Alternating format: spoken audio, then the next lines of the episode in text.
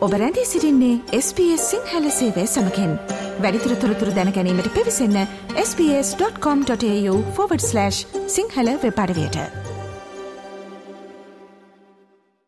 SBS SBS SBS SBS SBS SBS Radio මෙඩිකයා ඕස්ට්‍රේලයානු ජාතික සෞඛ්‍ය සේවා පද්ධතිය එහෙමත් නැත්තං නැශනල් හෙල්කෑ සිිස්ටම් එක පටන් අරගෙන මේ අවුරුත්තට වසර හතලිහක් සම්පූර්ණ වෙනවා. ඒ වනත් බොහෝ පිරිසකට මේ සිිස්ටම් එක වැඩ කරන විදිහ ගැන හරි අවබෝධයක් නෑ. ඒ නිසා සෞඛ්‍ය විශේෂඥයන් පිරිසක් රජයට යෝජනා කරලා තියෙනවා ජනතාව මේ සම්බන්ධයෙන් දැනුවත් කරන්න සහ මෙඩිකයා සිිස්ටම් එක තවදුරටත් කාර්යක්ෂම කරන්න අධ්‍යාපනික වැරසටහන් හඳුන්වා දෙන්න කියලා. මේ පිළිබඳ වැඩිදුර තොරතුරු අද දවසේ අපගේ කාලීන තොරතුරු විග්‍රහය හරහා ඔබ වෙත ගෙනෙන්න සූදානම්. මෙඩිකයා සිිස්ටම් එකට අවුරුදු හතලිහක් සපිරෙන නිමිත්තෙන් ඔස්ට්‍රේලයානු රජය විසින් සමරු කාඩ්පතක් නිකුත් කරලා තියෙනවා. ඒත් ඒ කොළපාට පුංචි කාඩ්පත වැඩ කරන විදි ඔබ දන්නවාද. විශේෂඥයන් බොහෝ දෙනෙක් මේ සමරුකාඩ්පතට පමණක් සේම නොවී ඉන්න රජයට බලපෑම් කරනවා. මෙඩිකයා පාරිභෝගිකයන් සහ වෛද්‍ය වෘතිකයන් කියන්නේ රජය මේ සම්බන්ධයෙන් වන අධ්‍යාපනික වැඩසටහනකට අරමුදල් යෙදවිය යුතු බවයි. ඕස්ට්‍රේලියානු සෞඛ්‍ය සංසදයේ ප්‍රධාන විදායක නිලධාරිණි එලිසබත් ඩිවැනි කියනවා සෞඛ්‍ය සේවා පද්ධතිය ඔස්ට්‍රේලියානුවන්ට ඉතාම වැදගත් සේවාවක් මොකද ඇය පවසන විදිහට ඔවුන්ගේ බදු ඔවුන්ගේ මෙඩිකෑබත්ත ඔවුන්ගේ පුද්ගලික සෞඛ්‍ය රක්ෂණය ඔවුන්ගේ ඖෂධ මිලදී ගැනීම හරහා හෝ නොයකුත් ආකාරයන්ට ඔවුන් මේ සඳහා ගෙවීම් කරන නිසා හැම ඔස්ට්‍රේලියානුවෙක්ටම ඒ ගැන දැනගන්න අයිතිවාසිකමක් තියෙනවා කියලා. The healthcare system is critical to all Australians.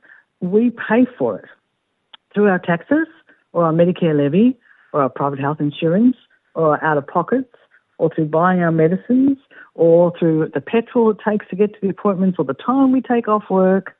It's our health and we have a right to understand what our tax dollar is buying and how we can best use it. එක්දස්නසි අසූ හතරේ මුල්වතාවට මේ මෙඩිකයා සේවාව හඳුන්වා දුන්න වෙලාවේ සෞඛ්‍ය සේවාව ක්‍රියාත්මක වෙන ආකාරය ගැන මිනිස්සු සෑහෙන කතාබහ කළා. සහ මිනිස්සුන්ට මේ සේවාවෙන් වෙන්න මොකක්ද? මේක පරමාර්ථය මොකක්ද? කියලා අවබෝධයක් තිබ්බ කියලත් ඇය කිව්වා. එවකට හිටිය රජය මේ පිළිබඳව මිනිස්සුන්ව දැනුවත් කරන්න පිරිසක් යොමු කරන්නටත් මුදල් වෙන් කළ බව ඔස්ට්‍රේලියානු සෞඛ්‍ය සංසදයේ ප්‍රධාන විදායක නිලධාරිණි එලිසබෙත් ටිවෙනි කියනවා. It was in the papers, people understood what its intent was and how they might access it. And indeed, when Medicare first came in, the government funded people whose job it was to go out into communities and be available to explain it to you. Hey, we've got this new thing, it's called Medicare, this is how it works. You're going to get a card, this is how you use it, this is what it pays for. ඇය පවසන්නේ එක්දස් නමසි අසූ හතරෙන් පස්සේ රටට ආව තරුණ පරපුර මෙඩිකයා සේවාව එක්කම උස්මහත් වන නමුත් එහි ක්‍රියාවලිය පිළිබඳ දැනගන්න අවස්ථාවක් ඕන්ට හම්බුනේ නැහැ කියලා. මොකද පාසල්වලත් මේ ගැන ඉගන්නීමක් වෙන්නේ නැහැ. ඒ වගේම සායනවල සේවය යෙදෙන අය පවා පුහුණුවෙන් පසු රැකියාව පටන් ගත්තට පස්සේ මෙඩිකෑ සිස්ටම් එකේ තවත් ඔවුන්ට නොතේරෙන බොහොමයක් දේ තියෙන වග දැනගන්නා බවද වෛද්‍ය ඩිවෙනි පවසනවා. So they just grow up with Medicare. And the thing is that no one teaches you how it works. We don't teach it in schools. Indeed, even clinicians say that when they finish their training and start working, they discover there are things about Medicare that they didn't understand. Consumers Health Forum of Australia ආයතනය මෙරට සෞඛ්‍ය සේවා පද්ධතිය පිළිබඳ ඔස්ට්‍රේලයානු ජනතාව තුළ තිබෙන දැනුමේ යම් හිඩසක් තියෙන බව සඳහන් කරනවා. ඉන් අදහස් වෙන්නේ ජනතාවට මෙරට සෞඛ්‍ය සේවයේ වැදගත් අංශ මගහැරීම සහ සෞඛ්‍ය සේවා සඳහා වැඩි මුදලක් ගෙවීමට සිදුවීම බවද ඔවුන් සඳහන් කරනවා. Royal Australian College of General Practitioners හෙවත් ඔස්ට්‍රේලියාවේ පවුල් වාද්‍යවරුන් නියෝජනය කරන වෘතිය සංවිධානයද එම මතයම දරනවා. මෙරට සෞඛ්‍ය පද්ධතිය පිළිබඳ විශේෂයෙන්ම මෙඩිකයා සේවාව පිළිබඳ නිවැරදි අවබෝධයක් ලබා දෙන ලෙසට ඉල්ලලා ඔවුන් විසින් ප්‍රකාශයක්ද නිකුත් කොට තිබෙනවා. මේ සංවිධාන දෙකම විවාද කරන්නේ ඔස්ට්‍රේලියාව තුළ ආර්ථික අර්බුදයක් පවතින මේ කාලයේ ජනතාව අනිවාර්යෙන් ඔවුන්ට අයිති වරප්‍රසාද ගැන හොඳින් දැනුවත් වෙන්න ඕනි කියලයි. පහුගිය අවුරුද්ද තුළ මිල වැඩවීම් නිසා ලෙඩකදී පවුලේ වෛද්‍යවරයා හමුවීම කල් දැමීම හෝ නොගිය පිරිස සියයට තිහක් දක්වා ඉහළ ගියා. මේ බව සඳහන් වෙන්නේ ඔස්ට්‍රේලියන් බියරෝ of ස්ටටිස්ටික්ස් ආයතනය විසින් නිකුත් කරපු දත්තවල. කනගාටුවට කාරණය නම් දීර්ඝ කාලීනව රෝගයන්ගෙන් පෙළෙන පුද්ගලයන් අධික වියදම නිසා කාලෙන් කාලෙට වෛද්‍යවරුන් හම්බ වෙන්න එක මග අරිනවා. ඒ නිසා මේ යෝජිත දැනුවත් කිරීමේ වැඩසටහන් වලින් වැඩිම වාසියක් වෙන්නේ ඔවුන්ට.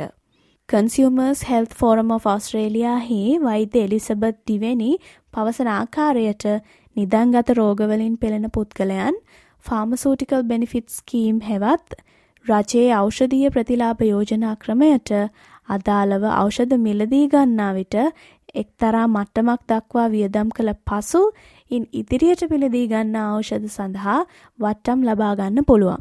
ඇතැම් විට ඉන් ඉදිරියට නොමිලේම ඖෂධ ලබා ගැනීම සිදු කරන්න පුළුවන්. නමුත් ඔවුන් එම සීමාවට පැමිණ ඇති බව කවුරුත්ම එම රෝගීන්ට කියන්නේ නැහැ.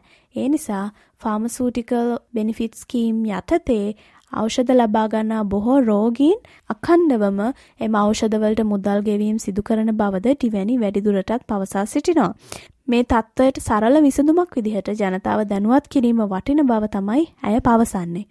In the pharmaceutical benefit scheme, we have this thing called a safety net. We have it in Medicare too. When you've spent a certain amount of money in Medicare, the government tells you you've spent a certain amount of money, things will be cheaper for you now. And when you get your medicines, the same schemes, uh, the same kind of scheme applies. So we have a safety net for your um, government funded medicines. But when you hit the limit, nobody tells you. So we're pretty confident that there are Australians who have chronic disease who've spent a lot of money on medicines and who don't realise that actually they're past the threshold and the cost of their medicines should have been reduced or indeed free.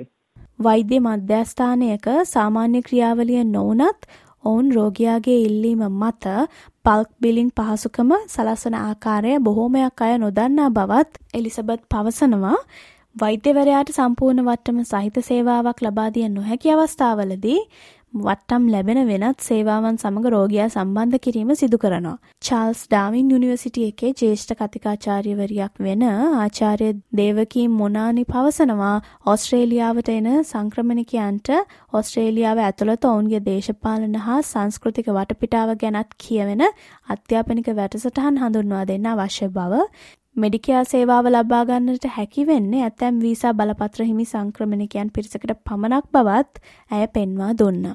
There is some sort of a challenge when we uh, put in all culturally and linguistically diverse communities or where or when we blanket a statement saying migrants uh, the issue is that Medicare is eligibility is actually dependent on your visa status. මොනානි පවසන ආකාරයට මෙම සෞඛ්‍ය සේවාව තුළ තිබෙන තවත් විශාල ගැටලුවක් තමයි භාෂා ප්‍රශ්නය. ඒක විශේෂයෙන්ම බලපාන්නේ පණිවිඩ හෝමාරු කරගනිද්දී. මොනානි මතක් කර සිටිනවා සංක්‍රමණිකයෙකුල් ලෙස ඔබ රට තුළට ආවම ඔබ ප්‍රජාතන්ත්‍රවාදී අයිතිවාසිකම් පදනං වූ වෙල්ෆෙයා සිස්ටම් එකකට යටත්ව පදිංචිව සිටින බව නමුත් මේ ගැන සංක්‍රමණිකයන්ව දැනුවත් කිරීම පලදායි විදිහට නොවෙන බවත් කියා සිටියා මේ හේතුවෙන් තාවකාලික පදිංචිකරුවන් මහා පියකින් ජීවත් වෙන බවත් මොනානි මේ ලෙස පෙන්වා දුන්නා. One of the easiest language to translate in any cultural political context is the rights language. To say our rights are universal, particularly if you're in a democracy um, like Australia. And so this reminder constantly that as a migrant, you're now settled in a democratic uh, rights based welfare system. And I think that's not communicated effectively. Migrants kind of feel they kind of live in fear, and particularly those who are temporary migrants. Charles Darwin University කතිකාචාර්යවරියෙකු වන මොනානි තව පවසනවා මෙඩිකයා කියන්නේ මූලික මිනිස් අයිතිවාසිකමක් බව සංක්‍රමණිකයන්ට සහ ඕස්ට්‍රේලියාවේ අනෙකුත් සංක්‍රමණ නොවන කණ්ඩායම්වලට මතක් කළ යුතුයි යන්න. එමෙන්ම ඔස්ට්‍රේලියාවේම සෞඛ්‍ය පාසුකම් තිබීම ඔවුන්ට ලැබුණ භාග්යක් බව මොනානි පවසනවා. ඒ නිසා මෙඩිකයා පහසුකම සංක්‍රමණිකයන්ගේ මූලික මිනිස් අයිතිවාසිකමක් ලෙස ඇය මේ විදිහට පෙන්වා දුන්නා.